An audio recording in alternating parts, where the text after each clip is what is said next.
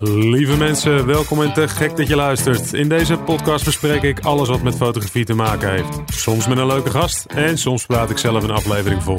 Wat het ook mogen zijn, samen leren wij van A tot Z fotograferen. Ik ben Sjoerd en dit is de Fotografie Beginner Podcast. Dag lieve luisteraar, leuk dat je weer luistert naar aflevering 11 alweer. Uh, ik ben Sjoerd en dit is de tweede solo aflevering van de Fotografie Beginner Podcast.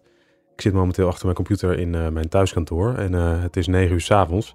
De kinderen liggen op bed, dus ik uh, heb alle tijd voor je. Ga lekker zitten, schenk wat te drinken in. ik heb zelf een kop thee en dan gaan we beginnen. In deze aflevering gaan we deel 2 bespreken van de 10 fotografielessen die ik geleerd heb in de afgelopen 10 jaar. In de vorige aflevering bespraken we de eerste 5 lessen en in deze aflevering doe ik er nog eens 5. deze lessen komen uit een artikel wat ik geschreven heb overigens. Dus als je het nou wilt nalezen op de website Ga dan even naar fotografiebeginner.nl. Rechtsboven in beeld kun je dan zoeken naar 10 lessen um, en dan vind je het artikel. Het artikel heet uh, 10 tips en lessen na 10 jaar als fulltime fotograaf. Dus nou ja, lees je liever dan luister je, dan kun je dat ook doen. Goed, in het kort nog even een herhaling van de eerste vijf lessen. Ik zal ze stuk voor stuk nog even langslopen.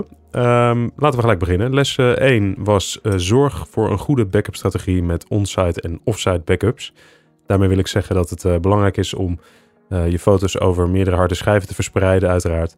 Um, maar doe dat niet alleen uh, thuis. Zorg ook dat je in de cloud een backup hebt van je belangrijkste foto's. Want mocht er nou ingebroken worden of je huis afbranden of nou, allemaal dingen die je niet wil natuurlijk. Maar dan ben je de on-site backup ook kwijt.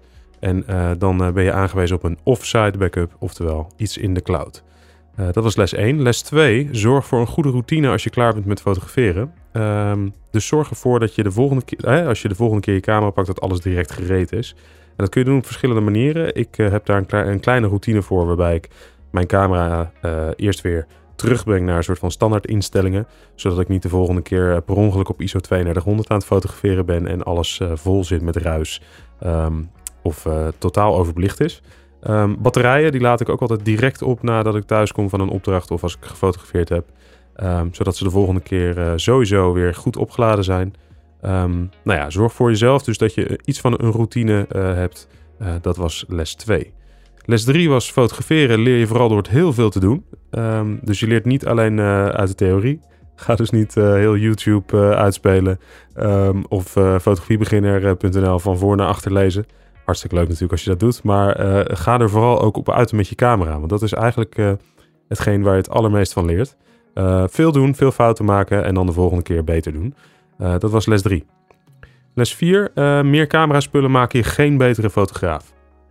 Ja, heel veel fotografen die maken denk ik de fout om gewoon alleen maar meer gear, gear, nog meer gear aan te schaffen. Ik heb die fout zelf ook gemaakt. maar meer gear maakt je geen betere fotograaf. Je kunt er beter voor zorgen dat je eerst tegen de limieten van de gear die je al hebt aanloopt. Uh, en dan begrijpt waarom je iets beters nodig zou hebben. En daarnaast is het ook nog eens zo dat niet iedere fotografie soort hetzelfde is. Dus niet iedere fotograaf heeft dezelfde spullen nodig. Um, en dat leer je eigenlijk pas als je tegen limieten van de gear aanloopt die je al hebt. Dat was uh, les nummer 4. Dan hebben we tot slot nog uh, les nummer 5. Um, ehm, als professionele fotograaf je maar 20% van de camera, 20% van je tijd een camera in de hand. Uh, en de rest van de tijd ben je bezig met uh, administratie, fotobewerking, uh, andere computergerelateerde zaken. Dus dat was eigenlijk een, nou, een eye-opener voor mijzelf als professioneel fotograaf. Dat je dus een deel van de tijd maar een stuk minder dan je misschien zou willen met de camera in de hand rondloopt. En dat er daarnaast heel veel dingen zijn die ook nog moeten gebeuren. Dat zijn overigens ook wel dingen die je natuurlijk weer kunt uitbesteden. Als je liever toch wel dat, die, het percentage van 20% omhoog wilt brengen. Um, ja, dan kun je natuurlijk dingen als uh, fotobewerking uitbesteden, uh, administratie. Uh, nou, dat kan ook allemaal. Dat was les nummer 5. Goed, uh, dat waren de eerste vijf lessen. vandaag gaan we het hebben over het tweede deel. pakken we er nog eens vijf lessen bij, nummer 6 tot en met 10. Maar voor we beginnen wil ik nog even laten weten, net als in de vorige aflevering, dat ik op zoek ben naar een stagiair. Um, nou goed, wil jij nou de kneepjes van het fotografievak leren? Ehm, wil je misschien ook meer leren over het rijlen en zeilen van een eigen bedrijf? Uh, misschien wil je wel meer leren over hoe SEO werkt. Ik schrijf natuurlijk veel artikelen op de website. Um, en SEO, uh, dat helpt mij om bezoekers te trekken uit Google. Wil je daar nou meer over leren, dan kan ik je daar zeker ook het een en ander over bijbrengen. Goed, als je daar nou interesse in hebt, stuur dan even een mailtje naar sjoerd.fotografiebeginner.nl. Laat uh, even weten in dat mailtje wie je bent, wat je allemaal doet, waarom je stage bij mij zou willen lopen, wat je wilt leren. Nou, en dan pakken we het vandaar even op samen en dan kijken we wat de mogelijkheden zijn. Goed, laten we beginnen. Les nummer 6. Lange intro, maar we gaan beginnen met les nummer 6. Um, ehm, fotograferen met live view heeft voordelen. Voor de mensen die niet weten wat live view is. Um, met live view fotografeer je eigenlijk door naar het LCD-scherm te kijken in plaats van door de zoeker. Um, dus je ziet eigenlijk de foto die je gaat maken, zie je op het, uh, op het LCD-scherm achter op de camera. De meeste compact camera's hebben natuurlijk uh, alleen, kun, kunnen dat alleen maar op die manier doen. Uh, maar spiegelreflexcamera's bijvoorbeeld, um, daar heet dat live view. En live view kan erg handig zijn om meerdere redenen. het geeft een beetje een persoonlijkere aanpak als ik portretten fotografeer bijvoorbeeld van mensen. want mijn gezicht blijft zichtbaar. Ik uh, verdwijn niet uh, achter de camera doordat ik door de zoeker aan het kijken ben, maar ik heb de camera een beetje voor mijn gezicht, omdat ik naar het LCD-scherm kijk. En ik kan daardoor makkelijker bijvoorbeeld met mijn onderwerpen blijven, blijven praten, mensen op hun gemak stellen. Een groot deel van portretfotografie is eigenlijk meer psychologie dan, dan camera-technische dingen. dus hoe zorg je er nou voor dat jouw onderwerp zich op zijn gemak voelt? Nou, dat is een stuk makkelijker met live view, omdat je, nou ja, je gezicht zichtbaar blijft. Daarnaast is uh, met live view het checken van de belichting eigenlijk vind ik veel makkelijker. Maar dat is natuurlijk voor iedereen weer anders. Maar ik hou er heel erg van om processen te versimpelen. Minder technisch te maken eigenlijk. En um, ja, door gebruik te maken van live view kun je eigenlijk op je LCD-scherm direct zien of het beeld te donker of te licht is. Um, ja, ik vind dat heel makkelijk, want dan kan ik gewoon direct uh, door uh, aan, aan, bijvoorbeeld de sluitertijd te draaien, kan ik op het beeld zien of uh, de belichting aangepast. De belichting wordt dan donkerder of lichter en dan kan ik dat op die manier doen van wat, wat ik nou mooi vind. Um, en, en ik ga dus niet meer echt naar cijfertjes kijken, want die doen er eigenlijk niet zo heel veel toe. Voor mij versimpelt dat het proces ontzettend. Um, want ja, of het nou een duizendste seconde is of een vijfhonderdste seconde, ja, dat is allemaal niet zo heel belangrijk als het uh, maar goed belicht is. Dat is eigenlijk wat belangrijk is. Dus voor mij is uh, Live View een tool om uh, mijn belichting sneller en makkelijker te checken. Um, en daarnaast is Live View natuurlijk geeft je ook mogelijkheden om makkelijker te fotograferen uit moeilijke hoeken. Dus wil je nou bijvoorbeeld vanuit boven je hoofd fotograferen of juist laag bij de grond. Heel veel camera's hebben tegenwoordig van die mooie flip-up of flip-out screens of nou hoe het ook heet.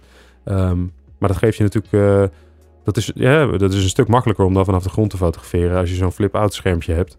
Uh, dan als je toch nog door de zoeker moet kijken. Want dan moet je zelf plat op je buik gaan liggen. Dat kan natuurlijk ook, maar live view maakt dat toch weer een stukje makkelijker. Dus les nummer 6. Fotograferen met live view heeft voordelen.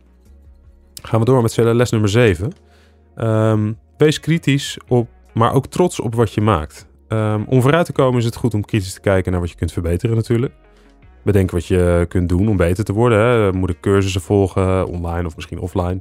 Uh, moet ik meedoen aan fotowandelingen? Uh, eh, 23 januari organiseer ik overigens een fotowandeling. Um, met 10 mensen, hartstikke leuk. Um, ga ik ook zeker vaker doen. Dus mocht je dat nou leuk vinden, hou dan de website even in de gaten.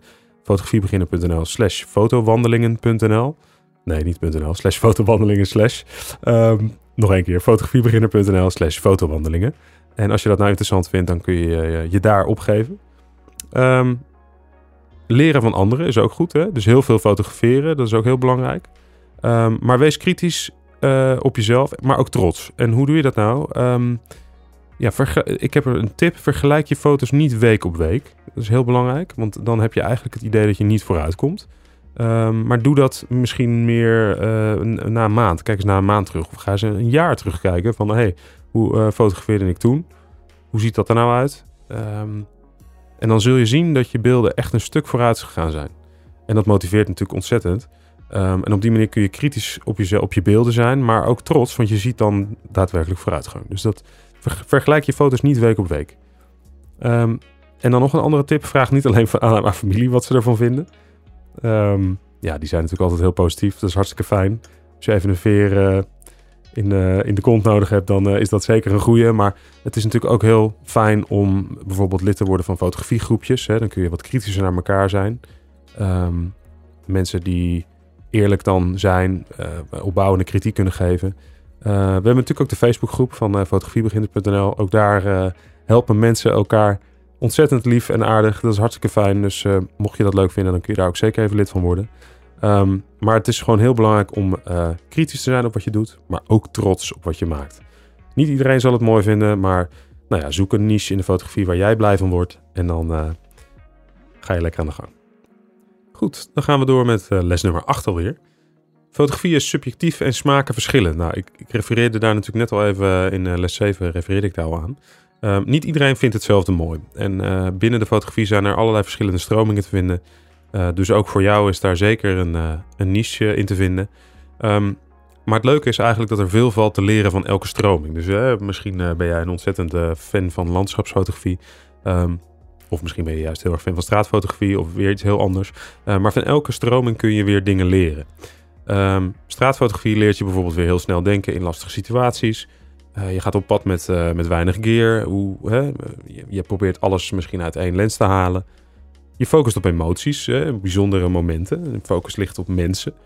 Uh, en dat is natuurlijk weer iets heel anders dan bij landschapsfotografie. Want daar leer je juist weer om een perfect gebalanceerde compositie te maken. Je neemt veel meer rust in je, in je fotografie. Je gaat een beetje om je heen kijken. Wat vind ik nou mooi? Hoe valt het licht? Misschien ga je wel heel vroeg op stap om ervoor te zorgen dat je prachtig mooi licht kunt gebruiken. Hè, midden om 12 uur eh, op de dag in de zomer. Dat is meestal niet het beste moment om te gaan. Uh, maar in landschapsfotografie heb je natuurlijk vaak een statief nodig. Um, en het is misschien ook weer uh, goed te combineren met een andere hobby. Als je die hebt, wandelen of hiken. Um, waarbij je dan hikend naar mooie plekken gaat. En dan je camera op een statief zet. En is rustig die ene knalplaat gaat maken. Um, maar fotografie is subjectief en smaken verschillen. En besef je dat goed. Um, blijf ook niet in je eigen stroming hangen.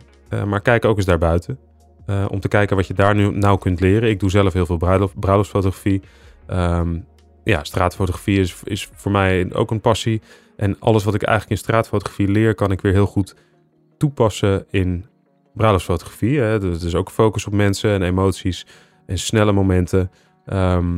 Dus dat zijn dingen die, uh, nou ja, probeer daarvan te leren. Uh, en probeer dus elke stroming nou ja, te zien en, en te kijken wat je daaruit kunt halen. Goed, les nummer 9. Zorg goed voor je cameraspullen. Nou ja, zeker als je veel en vaak met je spullen op stap gaat, dan is het natuurlijk belangrijk om goed voor je gear te zorgen. Ik, uh, ik ben als professioneel fotograaf natuurlijk redelijk vaak op stap. Ik heb camera's die een behoorlijk stootje kunnen hebben, maar het blijft elektronica. En elektronica kan stuk. Uh, dus er zijn een paar dingen die uh, belangrijk zijn om goed voor je cameraspullen te zorgen. En een goede cameratas is eigenlijk onmisbaar daarin. Um, dat is één groot nadeel. Er zijn zoveel zo ontzettend veel cameratassen dat het vaak lastig is om de perfecte cameratas te, te, te zoeken. Ik heb er zelf ook uh, veel te veel liggen hier. Um, maar goed, even googlen. ik ga daar zelf binnenkort ook een artikel over schrijven. dus mocht je nog op zoek zijn naar een goede cameratas, hou de website even in de gaten. Um, maar een goede cameratas is zeker onmisbaar om ervoor te zorgen dat je je spullen netjes mee kunt nemen, goed kunt opbergen. Maar ook als je uh, fotografeert op het strand en er allerlei zand is, dat je je camera netjes kunt opbergen of de extra lenzen die je bij hebt. Um, als het regent, misschien heb je er wel een, een, regenhoes nog in zitten die je dan eruit kunt halen om over je camera heen te doen. Nou ja, het zijn allemaal belangrijke dingen. Um, en die kun je allemaal meenemen in een goede cameratas. Um, maar wat kun je nog meer doen om, je camera spullen, om goed voor je cameraspullen te zorgen? Uh, nou ja, denk bijvoorbeeld ook eens na over een cameraverzekering. Um, zeker tegenwoordig heb je mensen die... Ja, hè, de, de, de camera's die zijn uh, steeds beter geworden en ook steeds goedkoper eigenlijk. Um, dus er zijn veel... Maar het, blij, het, blijven nog steeds grote bedragen. Het zijn bedragen toch al gauw de... Nou ja, duizend, misschien soms wel meer. 1000 euro en soms nog wel hoger. Dus dan is het wel belangrijk om toch even na te denken over een cameraverzekering. Um, zeker omdat het zo is, als jij jouw camera meeneemt op vakantie, um, de reisverzekering vaak niet alles dekt. Hè? Soms zien ze de camera als een soort van professionele camera en dan dekken ze eigenlijk ja, jouw camera niet. Dus dat is wel goed om dat van tevoren uitgezocht te hebben, voordat je er per ongeluk een lens laat vallen op vakantie en erachter komt dat die helemaal niet uh, door je verzekering vergoed wordt, door je reisverzekering. Uh, er zijn re redelijk wat uh, cameraverzekeringen, elektronica verzekeringen. Daar ben ik geen expert in, maar uh, nou ja, Google, uh, Google is your friend, zeggen ze dan. Um, dus ga dat even uitzoeken. Zeker als je toch wat meer uh, nou ja, met je hobby bezig gaat en je hebt verschillende lenzen en je hebt één camera body. Um, ja, dan wordt het al vaak een groot bedrag bij elkaar en dan is een verzekering misschien wel aan te raden. Ehm, wat kun je nog meer doen om goed te zorgen voor je camera spullen? Nou, je sensor af en toe schoon te laten maken. Zeker als je een spiegelreflex hebt of een systeemcamera waarbij je natuurlijk van lenzen kunt wisselen en dat misschien soms ook wel doet. Ehm, denk erover ook goed na. Hè? Als je je lenzen wisselt, uh, waar je dat doet, doe dat niet op een winderig strand. Uh, want dan kun je er de donder op zeggen dat je camera sensor eraan gaat. Um, probeer dat even te doen op een plek waar natuurlijk weinig wind staat, weinig stof dwarrelt of andere, andere dingen. Um, en hou je camera body daarbij ook altijd naar beneden. Zodat het nog moeilijker is voor stof of andere dingen om, nou ja, om in, in de camera zelf te komen. Maar goed, het, zeker als je lenzen verwisselt, zul je, zal er stof in komen. Dat is ook helemaal niet erg. stof, daar kan een camera prima mee omgaan. Maar het kan voorkomen dat, zeker als je gebruik maakt van nou ja, wat kleinere diafragma's, dus bijvoorbeeld F8 of F11 dat je dan stofdeeltjes gaat zien in de foto. Als je met een wijdere diafragma opening schiet, dan zul je dat niet zo snel tegenkomen. Maar zeker bijvoorbeeld F8, F11, dan kan het dus zijn dat als er, sensor, als er stof op de sensor ligt, dat je dan kleine stippeltjes gaat zien in je foto's. Um, dan is je camerasensor absoluut niet stuk, maar dan moet die gewoon even schoongemaakt worden. Meestal zul je dat wel zien in bijvoorbeeld landschapsfotografieën in de lucht of in andere grote vlakke kleuren, ehm, dan valt het gewoon wat meer op. Zeker in de lucht zie je het, geregeld. Um, als je dat nou ziet, dan ga je gewoon even naar een, een winkel toe. Camerawinkel, die kunnen dat uh, ter plekke voor je doen vaak. Kost ook allemaal niet zo heel veel, ik weet niet precies hoeveel. Maar het is, het is, niet, het is geen grote, dure... Het is niet duur. het is, en het is zeker de moeite waard om af en toe dat even te laten doen.